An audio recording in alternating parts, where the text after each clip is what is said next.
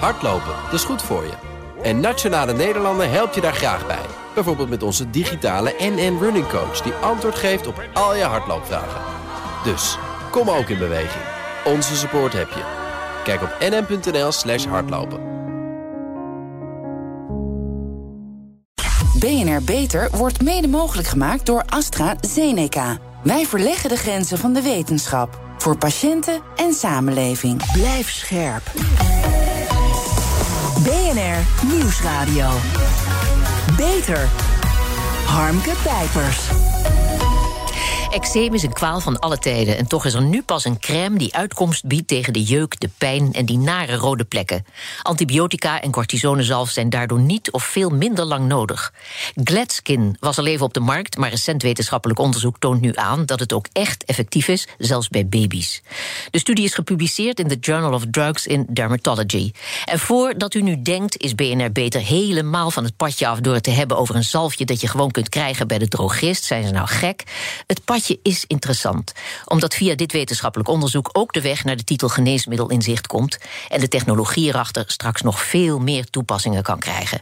Ik praat erover met Bjorn Herpers. Hij is arts, microbioloog en directeur van het Streeklab in Haarlem en als adviseur verbonden aan het bedrijf Micrios dat de zalf ontwikkelde.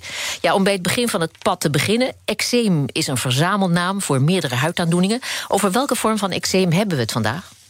We hebben het over het constitutioneel of het atopisch eczeem. En uh, dat eczeem dat, uh, wordt mede getriggerd door een bacterie. En daarom zit er ook een microbioloog hier. Ja, iedereen kent denk ik wel uh, iemand met deze vorm van eczeem. Hè? Uh, over hoeveel mensen Zeker. hebben we het? Hoeveel mensen hebben daar last van? Ongeveer 1 op de 5 kinderen heeft last van atopisch eczeem. En ongeveer 3% van volwassenen. Van, dus dat is echt gigantisch. Ja, en het aantal gevallen van uh, eczeem, uh, waar je erg veel last van hebt. en wat je, wat je ook psychisch heel veel kwaad kan doen. dat neemt de laatste jaren sterk toe. Is daar een verklaring voor? Daar is geen goede verklaring voor, helaas. Maar we zien inderdaad dat steeds meer mensen er last van krijgen. En zoals je zegt, die last die is niet alleen van de huid, maar ook van alle effecten die het heeft. Hè. De, mm -hmm. Het jeuken, het niet slapen, de sociale aspecten. Dus het is echt een groot probleem in de maatschappij. Ja. En we weten niet wat de oorzaak is, hè? Nou ja, we weten het een beetje. We mm -hmm. weten dat uh, eczeem eigenlijk een barrière defect van de huid is. En daardoor is die huid uh, vatbaarder voor prikkels. En ja. die prikkels die leiden tot uh, een, een, aanjagen van het immuunsysteem. Um, en sinds kort weten we dat een van die belangrijkste prikkels een, uh, een huidbacterie is, Staphylococcus aureus. Die komt bij me veel mensen voor, maar met name bij eczeem komt die in een grote mate voor en mm. overgroeit die ook de goede bacteriën op de huid. Ja. en sinds we dat weten kun je natuurlijk ook heel gericht je therapie daarop richten. Ja, de traditionele behandeling van eczeem uh, is met vette zalf en hormoonzalf. Klopt. Hoe, hoe werkt dat? Hoe bestrijden we het eczeem? Nou, kijk, die vette zalf die gebruik je om dat barrière defect van de huid en, en het, het, het, het uitdrogen van de huid tegen te gaan. En ja. die hormoonzalf, die zit eigenlijk helemaal aan de achterkant. Op het moment dat uh, dat immuunsysteem al aanstaat en je die ontstekingsreactie, die inflammatie ziet, om dan met hormoonzalf ja, dat immuunsysteem te dempen. Um, maar daartussenin, namelijk die prikkel, daar hadden we niks voor. Nee. Maar nu we weten dat dat een bacterie is, kunnen we natuurlijk ook onze therapie daarop richten. Ja, want, want soms uh, werd tot nu toe, of wordt tot nu toe ook antibiotica gebruikt. Dat doodt ja. alle bacteriën. Hè? Ja, antibiotica hebben twee nadelen en daarom worden ze ook niet wijdverbreid gebruikt bij. Nou, maar ook één uh, voordeel. Nou, kijk, uh, antibiotica die, uh, zijn heel goed voor infecties als je ja. kort behandelt. En waarom is dat? Omdat antibiotica ook de goede bacteriën doden, die je juist nodig hebt voor een gezonde huid. En als je lang antibiotica gaat gebruiken, dan werken ze uiteindelijk niet meer, omdat je resistentieontwikkeling krijgt. Ja. En dat is waarom die ze niet ingezet worden bij eczeem of nauwelijks ingezet worden. Ja, want dan ben je nog verder van huis. Ja, dan heb je iets wat even werkt en daarna niet meer. En soms heb je een korte kuur met antibiotica als het eczeem echt geïnfecteerd is. Mm -hmm. Stop je na twee weken en dan komt het later weer terug. Ja. En aan de andere kant betekent tijdelijk gebruik van antibiotica ook dat de klachten ook weer terug kunnen keren als de bacterie zijn weg naar de huid weer gevonden heeft? Absoluut, absoluut. Ja. Die bacterie die zit op de huid bij 70 tot 80 procent van de mensen met eczeem. Mm -hmm. En op het moment dat uh, dat eczeem weer opvlamt, dan zie je eigenlijk dat er een dysbiose komt. Uh, die Staph aureus bacterie die groeit over alle goede bacteriën heen, dringt die weg. Ja, en die zorgt dan voor die prikkeling van die huid, voor die inflammatie. Ja, en dat doet hij dus in flares, uh, in, in van, die, van, die, van die uitbraken van eczeem. Ja. We kennen de Staphylococcus aureus bacterie ook in de ziekenhuisversie hè, als MRSA. Ja. Wat maakt het nou zo'n verschrikkelijke rotbacterie? Ja, hij heeft zich heel goed aangepast, deze bacterie, aan de mens. Dus hij kan, heeft allerlei trucjes om uh, het immuunsysteem juist te omzeilen of aan te jagen, uh, om zich te nestelen in weefsels. Hè. Dus mm -hmm. deze bacterie die speelt een rol bij, acne, bij eczeem, maar bijvoorbeeld ook bij het infecteren van uh, acne en rosacea. Maar hij kan ook echt bloedvergiftiging geven, uh, zodat mensen op de intensive care belanden. Dus een heel scala aan infecties worden door deze bacterie veroorzaakt. Ja, en hij is, er is ook geen ontkomen aan. Hij is altijd en overal, maar niet iedereen wordt er ziek van. Nee, 30% van de mensen heeft deze bacterie in de neus, is drager. Ja. Um, uh, en dat is bijvoorbeeld ook de reden waarom uh, je antibiotica krijgt in de neus... voordat je een, een, een nieuwe heup krijgt, bijvoorbeeld. Hè. Het is ook nog niet willen... zo lang zo. Want ik herinner me Nee. dat dat opeens in de krant Ja. kwam. Ja, dat Dat klopt. iedereen dat dacht, is, gadver, eh, je zal zo'n ja. ding in je neus hebben... terwijl eh, de halve wereld loopt ermee rond, heb ik begrepen. Ja, dat, dat, dat klopt. Ja. Eh, en, en normaal zit hij daar gewoon rustig. Maar op het moment dat hij in een wond valt, da- dan kan hij echt lelijke wondinfecties geven, ernstige infecties. Ehm, bij diabetische voeten, bijvoorbeeld diabetische wonden, speelt hij ook een grote rol. Ja, ja. Dat wisten we allemaal, die infecties. Mhm. Eh, maar dat hij ook bij ja, huidproblemen zoals eczeem een rol speelt, dat is echt een, dat is nieuwe informatie. Dat is Ja. echt pas een jaar of vijf bekend. Zeg, en hoe vaak kom je hem tegen in het dagelijks werk in het streeklab in Haarlem? Ja, als, als microbioloog eh, zeg ik altijd: eh, een derde van alle bacteriën die we dagelijks vinden en rapporteren bij patiënten is deze Staphylococcus aureus bacterie. Een derde is echt Ja. een van de belangrijkste. Maar dat zalfje dus, uh, Gladskin, dat neemt dus de prikkel weg die de huidcellen irriteert en het immuunstelsel triggert. Ja. Uh, wat is het werkzame bestanddeel? Misschien ben ik in staat om dat te begrijpen, Eh, nou, als u het goed uitlegt. Ik ga het wel proberen goed uit te leggen. Ehm, het werkzame bestanddeel is een enzym en dat heet stafeffect. Ja? Dat het effect heeft op de Staph aureus bacterie natuurlijk. Ja. Stafeffect is een enzym, eh, een zogenaamd endolysine. En een endolysine is een soort schaartje dat die bacteriewand, de buitenkant van die bacterie, kapot knipt. Waardoor die bacterie als een soort ballon leegloopt. En dat is een heel nieuw werkingsmechanisme ten opzichte van de traditionele antibiotica. Tja. Zeg, en, en hoe hebben jullie dat, dat, uh, hoe hebben jullie dat gevonden? Ja, dat stafeffect, dat stafeffect dat is niet zo te vinden. Dat hebben we gemaakt. Maar Ja. die endolysines die bestaan al heel lang. Endolysines, eh, dat zijn enzymen die in de natuur voorkomen... die gemaakt worden door de natuurlijke vijand van bacteriën. Ja. Uh, en die natuurlijke vijand die, die, die infecteert een bacterie. Um, en uh, aan het einde moet hij als een soort virus uit die bacterie komen. En dat doet hij door die bacterie van binnenuit kapot te knippen... met zo'n endolysine, met zo'n schaartje. Wat wij hebben gedaan is dat schaartje nagemaakt... en heel precies nagemaakt, of heel precies gemaakt... dat hij alleen die Staph aureus bacterie doodt. Is, ja. Ja, en we hebben daar meerdere schaartjes in dat molecuul gezet, zodat die ook altijd werkt en zodat de bacterie niet resistent kan worden. Ja. En daar zit hem de truc. Dat, dat geeft dus eigenschappen, die, die hele specifieke werking alleen op die ene slechte bacterie en uh, geen resistentievorming. Dat maakt dat je dit middel echt langdurig en veilig kan inzetten. ja, want dat molecuul doodt de bacterie dus zonder verdere bijwerkingen. Ja, Ja. En, en, en de goede bacteriën, die de huid dus ook heeft, die blijven in leven. ja dit schaartje knipt alleen. Hoeveel bacteriën zitten er eigenlijk op onze huid? We hebben 10 tot de 13e menscellen en 10 tot de 13e bacteriën op ons lichaam. En gelukkig, en die zitten met name in de, in, uh, de, in de darmen, het maag-darmkanaal. Ja.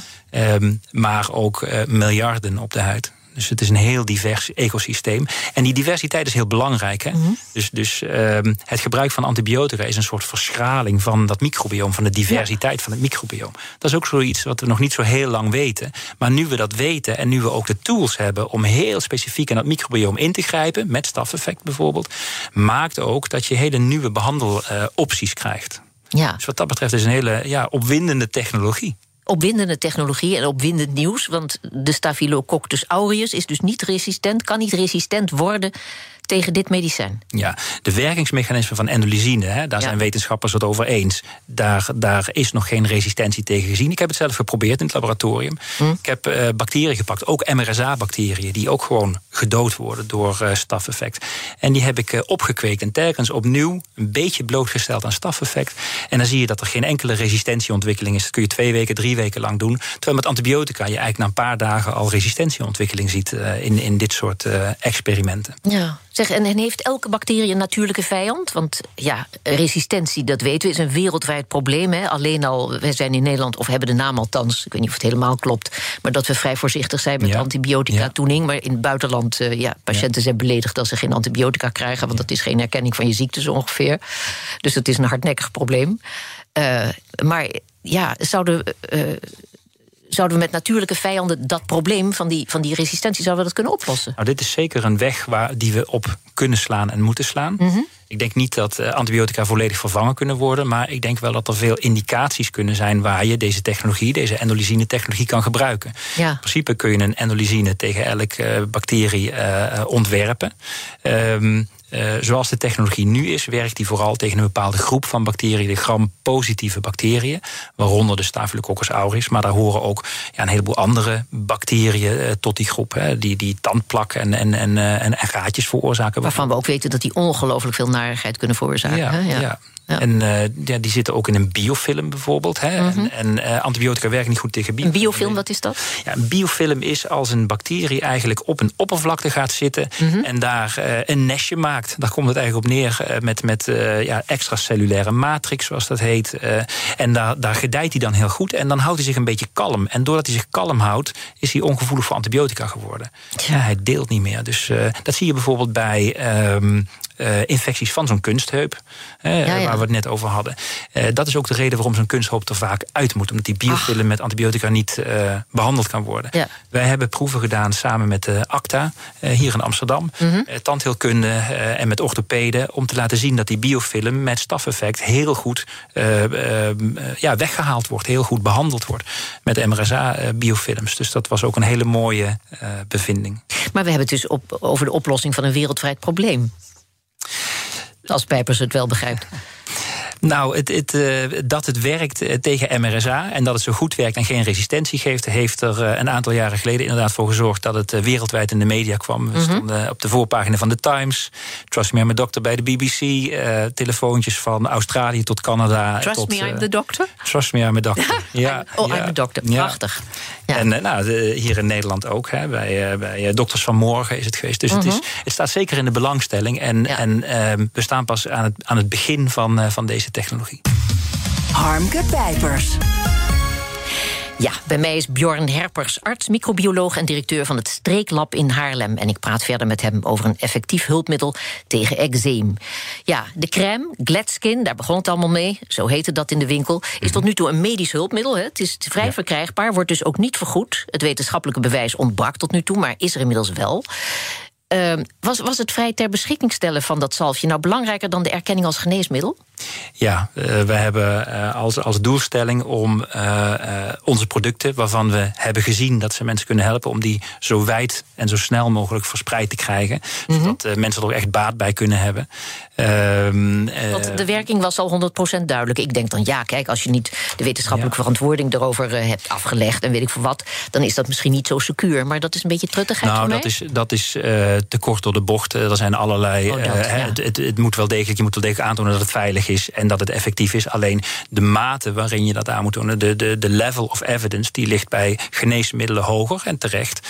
Um, maar kijk, dit, dit middel heeft geen enkel effect op het lichaam. Het heeft een effect op de bacterie. Het doet niks met het lichaam, zoals corticosteroïden, zoals hormoonzalf, die echt een effect hebben op je immuuncellen. Ja. Nou, omdat dit alleen maar werkt op die bacterie, kan het een medisch hulpmiddel zijn. En dat maakt dat mensen ja, echt al een paar jaar het kunnen hebben. Als je over technologie praat, gaat het vaak erover dat er iets over vijf jaar beschikbaar is. -hmm. Ik vind het heel mooi als ik hierover kan praten. Dat mensen die luisteren eigenlijk al weten... nou, ik kan het morgen al bestellen. Ik kan het morgen al vinden en kijken of het een probleem is... Voor, of een, een oplossing is ja. voor mijn uh, problemen. Het lag dus in de winkel en is het, uh, is het meteen... Uh uh, over de toonbank gevlogen, zou ik maar zeggen? Of waren mensen achterdochtig ja. van hoe kan dat nou? Nou, je moet je voorstellen dat mensen die eczeem hebben... maar dat geldt bijvoorbeeld ook voor mensen die uh, infecties hebben... bij acne of rosacea, waar die bacterie ook echt een rol kan spelen. Ja. Die hebben vaak al een heleboel geprobeerd. Hè. We hebben onderzoek gedaan en daaruit bleek... dat uh, mensen echt meer dan tien middeltjes al geprobeerd hebben. En 40% van de mensen met eczeem zegt... ik heb nog steeds niet gevonden wat voor mij echt dagelijks te gebruiken is. En die kunnen wel baat hebben bij corticosteroïden... maar dan komt het terug. Of ze, ja. ze zien dat hun huid dunner wordt. Hè, dus dat ze dat toch doorheen breken. Of dat ze het niet willen gebruiken. Ehm, dus mensen zijn echt op zoek. En die mensen zijn kritisch, die willen wel dingen proberen. Ehm, en het mooie is, ze delen ook hun, hun ervaringen. En uit, die, uit het delen van die ervaringen weten we hoe mensen het gebruiken en hoe het voor mensen werkt. Ja. hoe vaak ze het moeten gebruiken. Of, bijvoorbeeld, Gletskin moet je als eerste gebruiken. Niet nadat je de vette zalf hebt gebruikt, maar eerst de Gletskin. En als je iets anders wil gebruiken, dan doe je dat vijf tot tien minuten daarna. Nou, dat soort uh, hele handige praktische tips, die kun je allemaal vinden op onze website bij de reviews. Ah ja. Het, het, is op termijn dus denkbaar dat het een geneesmiddel wordt. Nou, ja, dat is heel waarschijnlijk. Hè? Dat zou dus betekenen dat een tubetje Gletskin ook vergoed gaat worden door de verzekeraars. Dat is best fijn, want niet iedereen kan zo'n tubetje voor, ik meen, 26 euro. Klein tubetje, kan zich dat permitteren.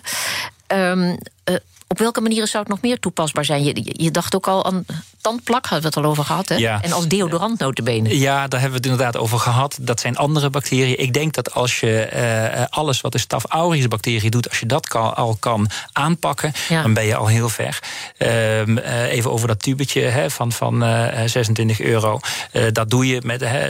we zien dat onze, onze klanten daar ongeveer 1 tot anderhalve maand mee doen... als je op meerdere plekken op je huid eczeem hebt. Mm de tubetjes voor rosacea en acne Nee, dat doe je wat langer mee, omdat het alleen om het gezicht gaat. Dus wat dat betreft, en het mooie is, die, deze studie die we net gedaan hebben, die laat bijvoorbeeld zien dat de mensen eigenlijk na drie dagen al effect zien en na twee weken het effect optimaal is. Dus als je zo'n tubetje uh, uh, probeert, dan weet je ook binnen het proberen van zo'n tubetje of het voor jou werkt of niet. Ik, denk, ik denk dat dat wel heel, heel belangrijk is. Ja, waar houdt het op? Um, we zijn zelf druk bezig met diabetische wonden. Diabetische wonden zijn een groot probleem. Veel mensen hebben diabetes. Dan krijg je wonden van aan de voeten die slecht helen. En deze mhm. bacterie uh, komt dan vaak in die wonden, houdt de wondgenezing tegen. En uiteindelijk kan die bacterie dan ook echt diepe infecties geven. Dat is ongelooflijk smerige complicatie. Hè? Absoluut. Ja. Uh, uh, amputaties, sepsis in het ziekenhuis, op de IC, dat soort zaken. Nou, dan begint normaal de behandeling pas. Maar wat we nu eigenlijk proberen te doen, is uh, preventief behandelen. Dus als je zo'n diabetische wond hebt, waar die bacterie in zit, uh, we onderzoeken of je heel vroeg in dat stadium al kan behandelen waarmee je die amputatie voorkomt. Nou, dat is echt een, een geneesmiddelindicatie. Ja.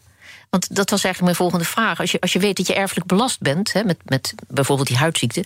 en dat je dus meer kans hebt op uh, eczeem. Uh, om dat op te lopen of opnieuw op te lopen, zou je dan ook preventief kunnen gaan smeren? Nou, ik weet dat nu, dat, dat nu geldt voor de diabetische voet, waar de risico's heel hoog mhm. zijn. Mm -hmm. Maar als preventief middel? Nou, wij, wij zien dat mensen die uh, Gletskin gebruiken, dat die minder corticosteroïden nodig hebben. Mm -hmm. Dus wat dat betreft kun je het preventief gebruiken om zo'n opvlamming van je eczeem uh, te voorkomen. Wat we ook weten van mensen die het uh, bij hun kinderen bijvoorbeeld gebruiken, is dat ze, um, omdat het een veilig middel is, dat je eigenlijk al heel vroeg begint met gebruiken gebruiken voordat uh, die klachten echt heel ernstig worden. Ja. Dus je kunt eczeem niet voorkomen. Het is een barrière defect van je huid. Maar je kunt wel door vroeg in te grijpen eigenlijk voorkomen dat het steeds erger wordt. En omdat dit een middel is dat veilig is, het is geen hormoonzalf, uh, dat ook andere bijeffecten kan hebben. Kijk, hormoonzalven zijn zeker uh, nodig ja. bij mensen met eczeem. Maar doordat dit heel veilig te gebruiken is, kun je het gewoon heel vroeg gebruiken. Dus ook bij een klein plekje kun je al starten met Gletskin. Ja. Zeg, is het enzym zo te manipuleren dat het ook andere groepen bacteriën kan aanvallen? Ja, dat, daar zijn we ook mee bezig. Um, uh, infecties van, van uh, nou, die, die, die he, komt die weer, die kunstheup. He, dat is ja. soms ook een andere staphylococcus. Staphylococcus epidermidis. Mm -hmm. nou, we mhm. hebben het schaartje gemaakt dat die epidermidis niet doodt. Want dat is op de huid juist een hele goede bacterie. Bij eczeem wil je die juist behouden, omdat die een beschermende werking heeft. Maar als hij op zo'n heup komt, wil je hem ook weg hebben. Nou, we hebben de schaartjes aangepast, zodat hij ook die bacterie pakt. Ja, fantastisch. Ja, heel mooi. Wij verheugen ons daarop. Nou ja, je zal het maar nodig hebben, denk ik dan weer. Maar uh, wordt het nu al breed toegepast? Welke obstakels zijn er nog op, op dit pad? Um, ja, het wordt breed toegepast. We zitten op dit moment, we zijn gestart in eh, de EU. Daar ja. is het geregistreerd als medisch hulpmiddel. En um, ja, we zijn in Duitsland op de tv geweest, uh, uh, in, in, in Engeland. Dus daar zie je dat er gewoon heel veel mensen met, met die inflammatoire huidziekte, eczeem, acne, rosacea, deze producten gebruiken. We zijn twee jaar geleden gestart gestart in de Verenigde Staten. Mm -hmm. um, ja, en dan zie je ook dat het heel snel gaat. Online communities die elkaar uh, vertellen hoe ze het gebruiken. Uh, Facebook-posts, dat gaat heel snel. Ja. Um, dus ja, je ziet, je ziet een hele snelle groei. En, en, en wij zijn ook, om, om die groei nog meer te versnellen en nog sneller te komen bij de mensen die het nodig hebben, zijn we ook een, een partnership aangegaan met L'Oréal. Mm omdat zij natuurlijk een, een, een, een, distributiekanaal hebben dat, dat er echt voor zorgt dat deze technologie heel snel bij de mensen komt die het nodig hebben. Ja, maar welke stappen moeten nou nog genomen worden om van hulpmiddel een geneesmiddel te worden? Is dat nog een lange weg te gaan? Nou, we zijn er al uh, heel ver in. Ja. Uh, een van de belangrijkste dingen is, is uh, dat de productie op geneesmiddelenniveau is. Nou, dat is helemaal af. Ehm, dan moet je aantonen dat het middel veilig is volgens de standaarden, niet van het medisch hulpmiddel, maar van het geneesmiddel. Ja. Nou, daar zitten we nu middenin. En deze studie, die net gepubliceerd is, natuurlijk heel belangrijk. Hè, want deze studie liet zien dat het middel veilig is bij kinderen en bij volwassenen. Dus we hebben heel veel vertrouwen erin als je dat op die manier van geneesmiddelen doet, dat dat hetzelfde uitkomt. En dan moet je laten zien uh, dat het effectief is in een grotere groep. En de studie die we net gepubliceerd hebben, hè, waarbij 95% van de volwassenen en 100% van de kinderen uh, een verbetering zagen binnen twee weken van hun, van hun klachten. Hè. Jeukscores die met de helft afnamen, brandende gevoel van de huid die met 80% afname, uh, slaapstoornissen met 65%. Ja, dat geeft natuurlijk allemaal zeer veel vertrouwen in, uh, in dat uh, traject van een geneesmiddel. Ja, heel veel vertrouwen en het is fantastisch nieuws. Hartelijk dank, Bjorn Herpers. Dankjewel. Zorgvernieuwers. Er zijn volop ontwikkelingen in de zorg. Nieuwe medicijnen, technieken en behandelmethoden maken het leven van de patiënt beter en het werk van de specialist makkelijker. Wat zijn de laatste innovaties? In het Catharine ziekenhuis kun je sinds kort binnen een dag te weten komen hoe je endeldarmkanker nog behandeld kan worden als je oud en kwetsbaar bent en een operatie voor jou niet echt nog een optie is. Het Catharine ziekenhuis is gespecialiseerd in complexe endeldarmkanker. Ik praat erover met darmkankerchirurg Pim Burger. Hij is de initiatiefnemer. Um, we praten over patiënten die te kwetsbaar zijn om geopereerd te worden. Wat gebeurt er dan wel op die ene dag in het Catharine ziekenhuis? Um, nou, wat we doen is dat we die. er zijn, zoals je al zei, operatie is bij deze patiënten eigenlijk niet meer mogelijk. Maar dat betekent niet dat er niets meer mogelijk is. En wat we op die ene dag in het Catharina ziekenhuis proberen uit te vinden, is wat zouden we nog wel kunnen doen. Ja. Um, ja, dus operatie, eh, dat is dan kennelijk te zwaar. Maar we weten ook dat we, of we behandelen patiënten ook vaak met bestraling of met chemotherapie of met een combinatie van dat soort behandelingen. Ja, dus en wat deze, we doen. Ja, deze dag is dus wel degelijk gericht op genezing en uh, dus niet alleen maar palliatief. Nee. Nou, dat, is het, dat is vaak het probleem bij deze patiënten. Omdat ze niet meer geopereerd kunnen worden, komen ze eigenlijk meteen in een palliatief traject terecht. Ja. En dat betekent eigenlijk dat er vaak niets meer gedaan wordt. Maar dat betekent ook dat die patiënten vaak snel binnen een jaar ernstig in de problemen kunnen komen. Ja. Maar er is wel wat te doen. En je kunt vaak de ziekte remmen of bestrijden. En soms zelfs nog genezen door voor andere uh, behandelingen te kiezen. Ja. De patiënt als middelpunt, dat kennen we van ziekenhuizen in Zweden bijvoorbeeld. Hè, maar tot op heden is dat niet de gewoonte in Nederland. Daar is tot op heden de specialist het middelpunt. Uh, dat is wel de aanpak uh, in het Catharine ziekenhuis. Stuit u op veel weerstand? Nee, niet op weerstand. Maar het is wel het is moeilijk te regelen. Want wat we doen is dat we de patiënt in dagopname opnemen. En dat we als specialisten en als verpleegkundigen allemaal bij de patiënt langs gaan. Ja, dan moet je dus een bedje hebben en je moet allemaal tijd maken om langs te gaan en vooraf en afloop dat met elkaar te bediscussiëren wat de beste behandeling zou kunnen zijn. Dus dat vraagt heel veel flexibiliteit en het kost ook meer tijd. Maar de, ja, de positieve ervaringen die we hebben opgedaan, die zorgen ervoor dat eigenlijk iedereen er heel enthousiast over is. Dus ja. weinig weerstand. Hoeveel mensen hebt u op deze manier tot nu toe kunnen helpen? Nou, we doen dit al eigenlijk al jaren op deze manier, deze behandeling uh, aanbieden. Maar we hebben het, sinds oktober hebben we deze dagopname geregeld, waarbij alles op één dag plaatsvindt. En dat hebben we tot nu toe bij 14 mensen zo gedaan. Dank Pim Burger, darmkankerchirurg verbonden aan het Catharine ziekenhuis. En wil je meer weten over de zalf tegen eczeem of de nieuwe methode om patiënten met endeldarmkanker te behandelen? Kijk dan op www.bnr.nl/slash beter. En tot zover deze uitzending van BNR Beter. De uitzending is terug te luisteren via de BNR-app of op uw favoriete podcastplatform. En als u zich daar abonneert, verschijn ik gratis en vanzelf volgende week weer in uw telefoon. We zijn ook op Twitter te vinden onder BNR Beter. Heeft u tips voor ons? Laat het ons vooral weten. Ik ben Harmke Pijpers. Graag tot een volgend spreekuur. BNR Beter wordt mede mogelijk gemaakt door AstraZeneca. Wij verleggen de grenzen van de wetenschap. Voor patiënten en samenleving.